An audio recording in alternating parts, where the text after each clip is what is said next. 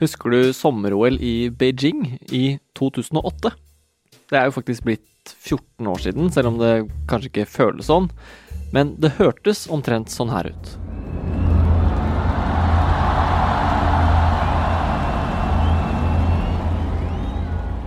Nå er det OL i Beijing igjen, og det er ganske annerledes. Nå høres det omtrent sånn ut. Ok, på tide med dagens test. Ja. Folkefesten er blitt en boble. Og det handler ikke bare om virus, men om at Kina er blitt et helt annet land enn det var. Dette er forklart. Jeg heter David Vekoni, og det er torsdag 17. februar. Jeg kom hjem eh, natt til søndag etter en eh, 40 timer lang reise fra, fra Beijing. Kristoffer Rønneberg, utenriksjournalist her i Aftenposten. Du kom jo nylig hjem fra OL i Beijing.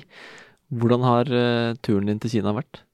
Altså, Kina er et land jeg har et veldig nært forhold til. Jeg har bodd der og, og var der eh, mye, spesielt i tiden før forrige OL, så jeg hadde gledet meg til å, til å dra tilbake.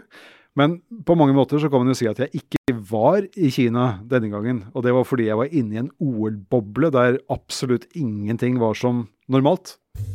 Ja, for det første som er annerledes i år enn i 2008, er det åpenbare. Viruset. Og Kina har en nullvisjon for smitte. Siden viruset først dukket opp i Wuhan, har Norge hatt ca. 1 million smittetilfeller, med en smitterekord nå nylig på over 29 000 på én dag. Kina har ifølge kinesiske myndigheter hatt ca. 145 000 smittetilfeller. Til sammen. Hvordan får man til det i et land med 1,4 milliarder innbyggere? Når Kinas myndigheter innfører nulltoleranse for koronaviruset, så betyr det at de går veldig kraftig til verks for, for å oppnå det målet. De siste månedene så har de flere ganger stengt ned storbyer og tvunget alle som bor i disse byene til å holde seg hjemme, etter at eh, det ble funnet bare et par tilfeller i, i, i hver av disse byene. Kina er jo også nesten helt avstengt fra resten av verden, og har vært det helt siden pandemien brøt ut for, eh, for over to år siden. Så hvis du skal inn i Kina i dag, så må du først være tre uker i isolasjon på et hotell før du får lov til å slippe ut i samfunnet og, og være sammen med vanlige folk der. Så for å få gjennomført det prestisjefylte mesterskapet, har myndighetene bygget den såkalte OL-bobla, en karantenesone som holdes adskilt fra resten av samfunnet. Der har Kristoffer tilbrakt nesten all sin tid under OL. Denne OL-boblen er eh, en, en virkelighet for seg selv. Den er ganske bisarr. Det er noen soner av normalitet, f.eks. inne på hotellrestauranten, hvor man kan ta av seg munnbind og, og snakke med hverandre gjennom eh, pleksiglass og, og spise mat fra, fra buffeen der. Men så fort man kommer seg ut derfra, så ser man folk som står i sånne heldekkende vernedrakter absolutt overalt. Og, og det, det gir en sånn evig påminnelse om at eh, man er midt i en pandemi. Det er sikkerhetskontroll på vei ut av hotellet og ikke på vei inn, fordi de ikke vil slippe ut noen som har positive tester. Så alle går rundt og er litt redde for at deres nummer skal bli lest opp. Litt sånn Squid Game-aktig stemning. Litt sånn uggen følelse av at kanskje jeg er nestemann som skal ut i den eh, sykebilen som står utenfor hotellet og bare venter på at noen skal bli syke og fraktes til eh, isolasjonshotell. Så det er en, eh, en litt sånn ja, en, en stemning preget av, av litt lett nervøsitet og, og frykt for hva som kan gå galt. En annen ting som er litt eh, spesielt, når man, eh, når man er på bussene, boblebusser som tar det fra, fra sted til sted inni, inni boblen, så ser man at det er enorme sikkerhetstiltak i tillegg til disse pandemitiltakene. Det er pansrede spesialpolitibiler, masse overvåkingsutstyr både på biler og på, på stolper øh, rundt og forbi. Og, og så er det politifolk som står klare med, med antiopprørsutstyr, altså typ hjelmer og, og skjold og, og store stenger for å dytte folk unna. Og da eh, må jeg innrømme at jeg tenkte hvem, hvem er det de skal beskytte, og, hvem er det de skal beskytte mot? Eh, For inne i boblen så var det jo bare akkrediterte folk. Ingen vanlige kinesere slapp jo inn dit. Men det er ikke bare én OL-boble. OL-konkurransene foregår på flere steder, og til sammen så er det tre bobler. På vei mellom to boblestopp fikk Kristoffer og andre et innblikk i verden utenfor bobla.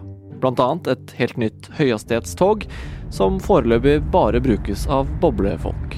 Dette bobletoget er jo utrolig imponerende i seg selv. Det er et av mange sånne lyntog som suser rundt i Kina for tiden. Det vi tok ned fra fjellene til, til Beijing, det kjører i 350 km i timen. Og, og det, er en, det, er en, morsom opplevelse.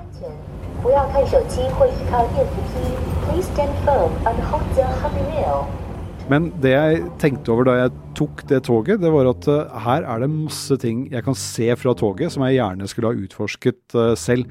F.eks. Eh, langs noen av åssidene så, så var det masse solcellepaneler som dekket hele åssiden.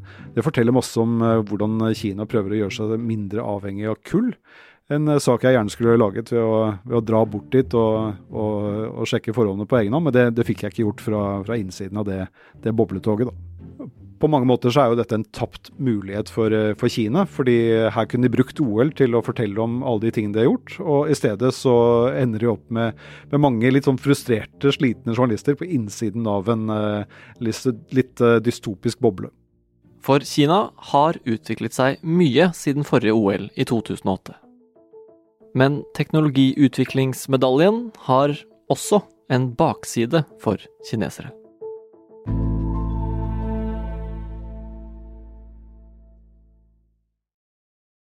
I 2008 dro vi på kino for å se The Dark Night, Mamma Mia og Twilight. Jeg så i hvert fall en av dem. I Norge vedtok man at folk kunne gifte seg med noen av samme kjønn, og i USA startet finanskrisen. Og den sommeren for 14 år siden satt vi benka foran TV og så sommer-OL i Beijing. OL i Beijing i 2008 var en folkefest. Den, eh, det var en anledning som virkelig viste hvordan Kina hadde tatt steget ut i verden som en moderne stormakt. Og jeg var der i ganske god tid før lekene startet og laget uh, flere reportasjer om, om, hva disse lekene betydde for folk.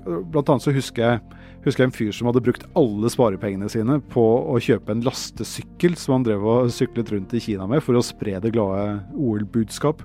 Og, og, på åpningsdagen, altså på, på, den dagen OL startet, 8.8., så møtte jeg flere folk som deltok i et massebryllup, fordi åtte er et lykketall i, i Kina.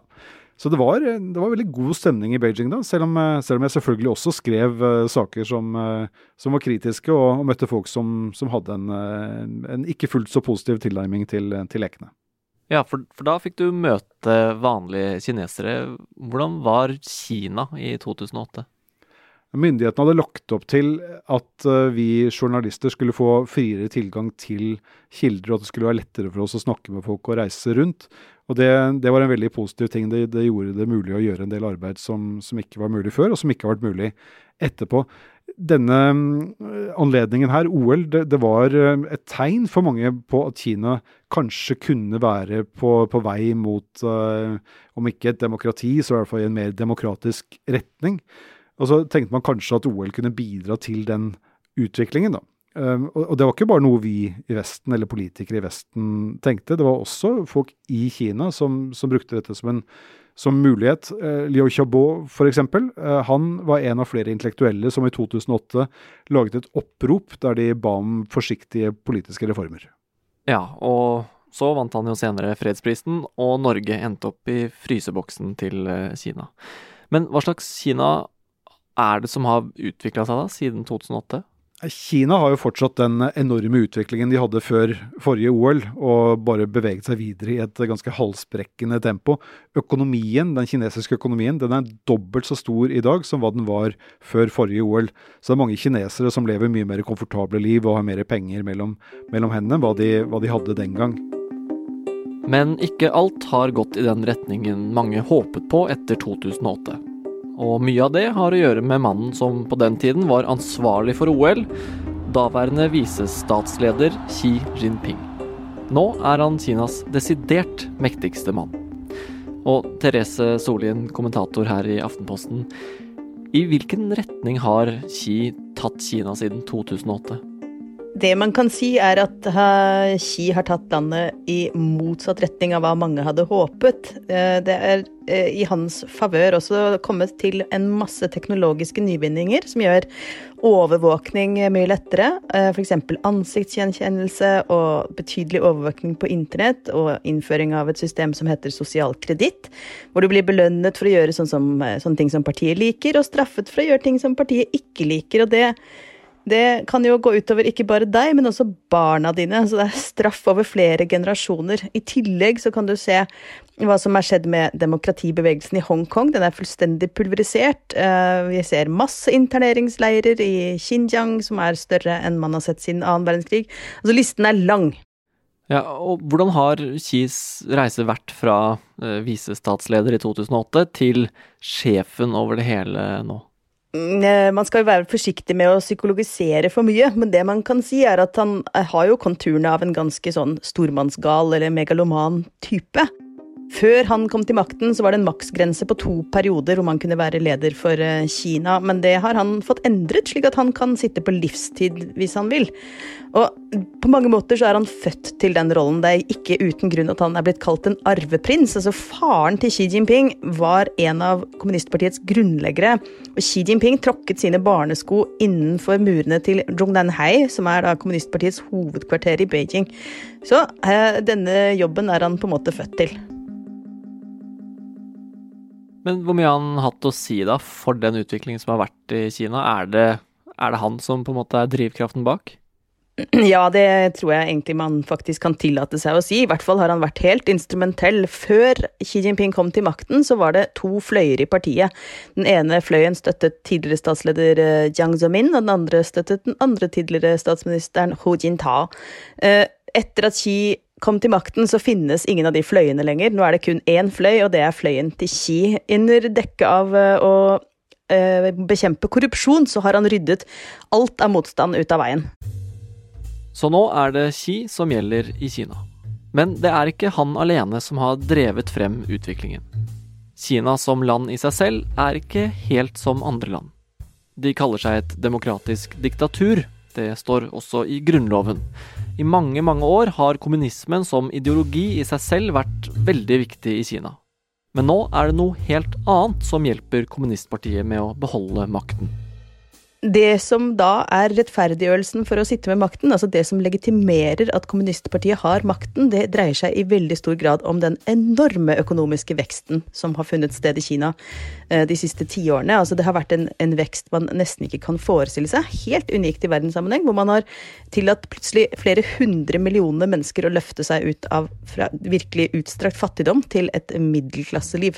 Så eh, spørsmålet er på en måte kanskje hvordan vil det gå hvis veksten bremser? Det er det ene. Men det, det er én ting til, og det er at man har klart ganske effektivt å innprente i den oppvoksende generasjonen at Kina er et veldig stort og eh, mangfoldig land. Det er 56 forskjellige folkegrupper. Minoriteter utgjør omtrent 11% av befolkningen. Eh, synet på disse er ganske nedlatende, og det er veldig mange som tenker at siden det er et så vanskelig land å styre, så funker ikke demokratiet i et sånt land. Det bidrar til å legitimere at kommunistpartiet sitter helt alene med makten. Siden 2008 mener Therese at Kina har gått lenger. Fra å være autoritært, hvor de som sitter med makten har all makten og bestemmer hva som er lov å gjøre og ikke, til å stramme inn enda mer. Og bli totalitært når det ikke er noe særlig privat rom for avvik fra partilinjen. Altså Partiet styrer så stor, eh, store deler av livet ditt at det er på en måte i luften du puster og vannet du drikker. Og Én eh, ting er at du ikke kan gjøre hva du vil, eller handle som du vil, eller reise hvor du vil, eller jobbe hvor du vil, men du kan nesten ikke engang tenke hva du vil, uten at partiet ser deg. Ok, Therese, hvis du skal ta på deg jobben som eh, spåkone, da.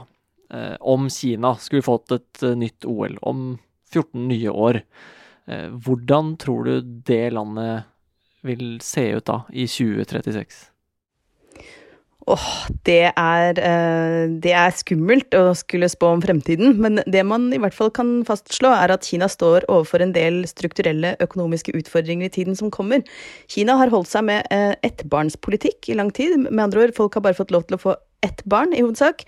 Det betyr at de har en eldrebølge av de helt sjeldne foran seg. Hvert eneste år forsvinner 4,5 millioner arbeidstakere ut av den kinesiske arbeidsstyrken, enten fordi de ikke er blitt født, eller fordi de som er, går over i pensjonsalder. Eh, det er én brems for eh, fremtidig økonomisk vekst. Det andre er et utenrikspolitisk mye hardere klima, mye mer eh, Kina-skeptisk. Og jeg tror nok at det skal godt gjøres at den økonomiske veksten som vi har sett i årene som har vært, at den fortsetter fremover, det er vanskelig å se for seg. Og hva det vil føre til, hvorvidt det vil føre til mer motstand i befolkningen mot partiet, det kan godt hende. Samtidig så finnes det ikke noen særlig alternativer, da. Xi Jinping som leder har utryddet, eh, altså enten fengslet eller på andre vis kastet ut av partiet enhver type politisk opposisjon. Eh, og det finnes ikke egentlig noe særlig ja, annen mulig verden enn den Eh, den som Xi Jinping representerer. Men når det er sagt, Kina har omtrent 7000 år historie, og alle dynastier har eh, på et eller annet tidspunkt eh, tippet over ende. Det har stort sett vært foranlediget av en eller annen type kaos. Det er også det partiet frykter mest i dag, såkalt luan på kinesisk. Uforutsett kaos. Det kan jo skje igjen, det. Det har skjedd med absolutt alle dynastier før dette, så hvem vet?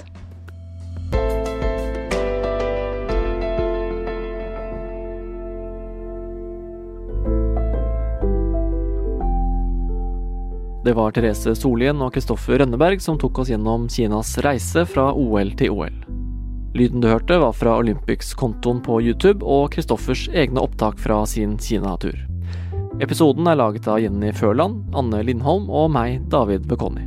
Resten av Forklart er Anders Weberg, Synne Søhol, Marte Spurkland, Fride Næss Nonstad og Ulla Rafaelsen. Sånn, da skal jeg gå og se Twilight på nytt.